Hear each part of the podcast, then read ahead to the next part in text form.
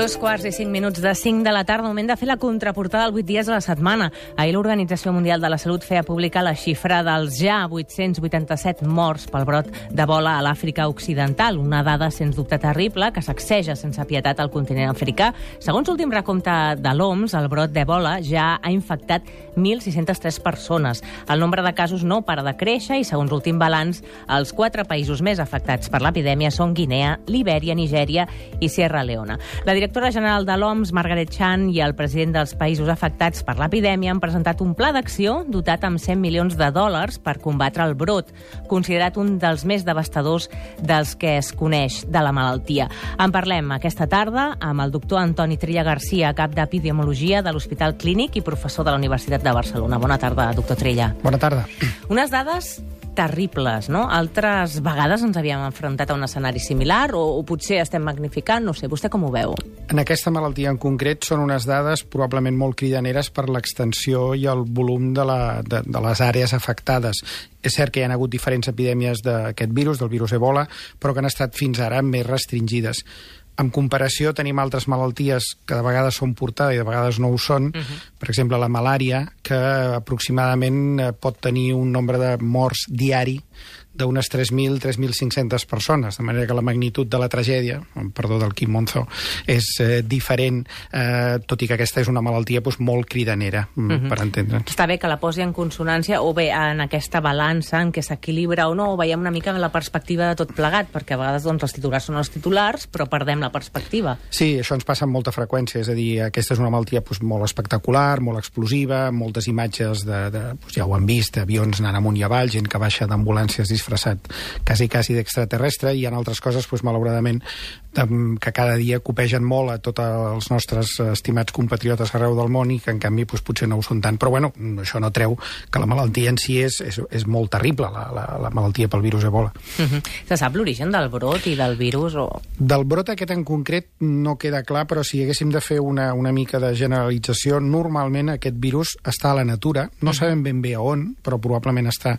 en alguna espècie, probablement algun tipus de ratpenats entren en contacte amb primats, monos de diferents tipus, i aquí és on comença a haver-hi una mica el problema. La gent pues, caça de vegades aquests, aquests animals, els, els mata, els, els quarteja, els hi treu la pell, se'ls, eh, i si poden tenir ferides, es poden eh, infectar, i a partir d'aquest mono que podia estar infectat es pot infectar una persona, i aquesta persona, pues, estem parlant de la, dels boscos profuns de, de l'Àfrica, pues, quan es troba malament la, la cuiden els seus familiars, que alhora s'infecten, uh -huh. i aquí comença el lío.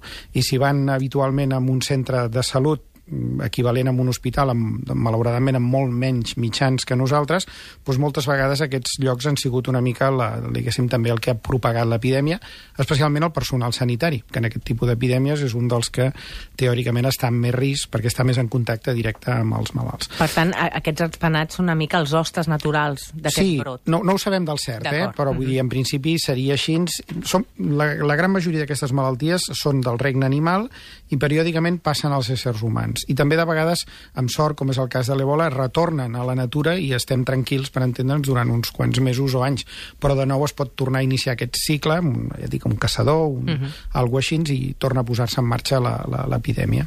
Parla vostè de l'afectació en l'àmbit sanitari i fa uns dies sabíem la trista notícia del Sheikh Umar Khan, el metge en cap de la lluita contra l'Ebola, que s'havia encomanat amb el virus i pocs dies després doncs, havia mort. Uh, Umar era una mica l'únic especialista a Sierra Leone, amb febres, amb hemorràgies... Tot plegat, quina sintomatologia té i, i quina perspectiva? Perquè és molt ràpid, no? És fulminant. Sí, de fet, la sintomatologia inicialment és, és la que es descriu és molt atípica, per entendre'ns, febre, mal estat general. Després, probablement, en una fase ja que està el malalt més sintomàtic, predominen símptomes de tipus digestiu, diarrees, vòmits, mal estat general, i finalment, no amb un percentatge massa alt de casos, tot i que és el que surt a les pel·lícules moltes vegades, doncs hi ha hemorràgies, hemorràgies internes, hemorràgies pels orificis naturals, sagnat pel nas, uh -huh. per la boca, etc. i finalment, doncs, malauradament, uns 50, 60, 70 i fins i tot un 90% amb algunes epidèmies dels malalts moren amb aquestes condicions en les quals, diguéssim, l'atenció mèdica que poden rebre és molt, molt limitada, no ja perquè no hi hagi tractament, sinó perquè no hi ha les mesures bàsiques de, de, de suport, per entendre'ns. També un metge nord-americà infectat a Libèria va ser traslladat als Estats Units. Amb ells estan provant un sèrum experimental. Cal ser optimistes amb el tractament o en, quins, en quina situació ens trobem? Bé, aquesta és una molt bona pregunta que no té una resposta clara. El tractament que, pel que sabem, han rebut eh, aquest metge americà i probablement una segona mm, dona nord-americana que estava en la mateixa situació que ella a Libèria. Uh -huh. El van començar en aquest país. És un tractament tan experimental com que les dades que tenim sembla que fan referència que s'ha provat prèviament amb quatre monos d'experimentació amb cap ésser humà i sota aquestes condicions i amb unes condicions molt experimental doncs els dos pacients han acceptat rebre aquest tractament i sembla que de moment ha funcionat. Eh, a partir d'aquí pues, eh, no es pot concloure res més que hi ha hagut molta sort, igual ha anat bé per altres raons, o ha anat uh -huh. bé per aquest propi anticòs monoclonal, aquest medicament, per entendre'ns, però malauradament estem molt lluny de tenir un, una disponibilitat d'aquest tipus de medicaments per ser utilitzats en el lloc on realment farien falta, que és, que és, que és a Àfrica, fonamentalment. Un sacerdot espanyol està aïllat en un hospital a Montròvia amb símptomes d'ebola. Hem intentat contactar amb ell durant tot el matí, eh, des de 8 dies a la setmana,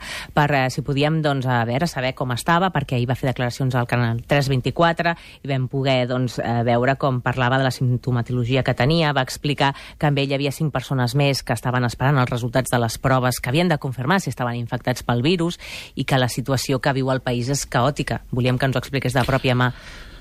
Desconec la situació en pròpia mà. Jo crec que aquestes declaracions d'aquesta persona que està allà ficada tenen el valor fonamental de ser testimoni directe del que passa. El que tots sabem a priori és que la situació pot ser molt caòtica en uh -huh. el sentit de que, perquè es facin una idea, qualsevol d'aquests els tres països més afectats, eh, diguéssim, bàsicament tenen una, aproximadament uns mil vegades menys menys metges dels que tenim nosaltres Clar. aquí.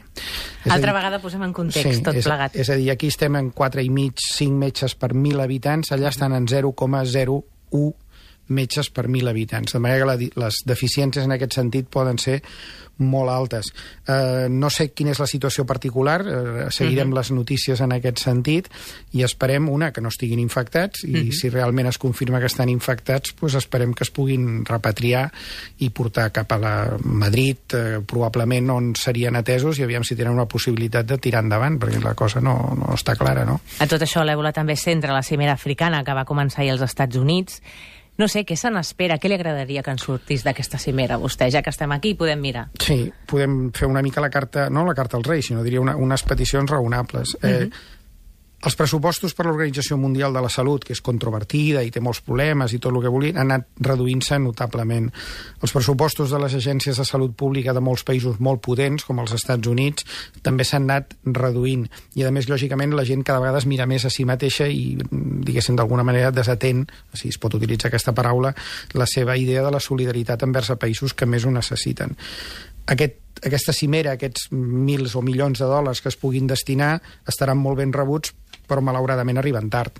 És a dir, el que s'ha de fer és invertir clarament en infraestructures i en, i en capacitació dels professionals a Àfrica, que tinguin capacitat de tenir bons professionals, que sàpiguen com s'han de comportar davant d'aquestes epidèmies, que tinguin coses tan bàsiques com laboratoris per poder fer el diagnòstic més senzill i que tinguin les mesures de control més bàsiques als hospitals. Mm, si em permet una anècdota, jo no, no he viatjat darrerament gaire a l'Àfrica, però sí que fa uns quants anys sí que anàvem treballant amb, amb el doctor Alonso a Mozambique i una de les coses que més em va cridar l'atenció és que els guants de làtex que nosaltres utilitzem per protegir-nos i que aquí els usem i els tirem, allà es renten, s'estenen com si fos la roba i es fan servir tantes vegades com es pugui. Això vol dir que en absolut es garanteix, diguéssim, la protecció del guant, perquè el guant té mils de petits talls o mils de petits problemes, de manera que crida molt l'atenció una cosa que nosaltres usem i tirem, doncs allà es reutilitza totes les vegades que es pot. Clar, lògicament aquestes condicions són molt precàries per fer front a un virus tan agressiu o amb tanta capacitat de contagi pel personal sanitari com és aquest. Aquelles estades que donen una dosi de realitat, eh? entenc que quan torna aquí vaja, la professió se sent d'una altra manera amb, sense fer cap dramatisme. És, és un món diferent que malauradament no hauria de ser tan diferent. Jo crec que això ens dona tots una mica de perspectiva està molt bé que la gent hi pensi, però bàsicament és allò que no es té que donar, no sé com és el, el, el dit exacte, però no se li ha de donar peix a la gent, sinó que se li ha d'ensenyar a pescar. Uh -huh. I bàsicament una mica la, la idea és aquesta. Podríem fer més, tots, sens dubte, eh? inclús amb la situació de recessió econòmica que vivim tots. Hem de pensar que el món és global i que tot això amb unes millors infraestructures doncs estaríem parlant d'una notícia que diu mira, hi ha una epidèmia en un país però que sembla que ho poden fer bé perquè tenen la infraestructura, perquè els ajudem, perquè enviem equips ja des del primer moment i allò doncs, serà una notícia però no serà aquesta espècie d'amenaça també una mica magnificada, eh, diguéssim, que tenim en aquests moments. No? Uh mhm. -huh. Doncs seguirem molt presents amb aquest tema i la veritat és que amb aquesta mirada que ens ha ofert vostè avui, amb aquesta perspectiva doble d'anada, de tornada, però també de posar-la en context amb altres malalties, com per exemple la malària, i en definitiva doncs, també amb els ulls des de qui té la vida molt més simple o molt més fàcil. Moltíssimes gràcies, doctor Trilla, per haver vingut avui aquí al 8 dies a la setmana a Catalunya Ràdio. Gràcies a vosaltres.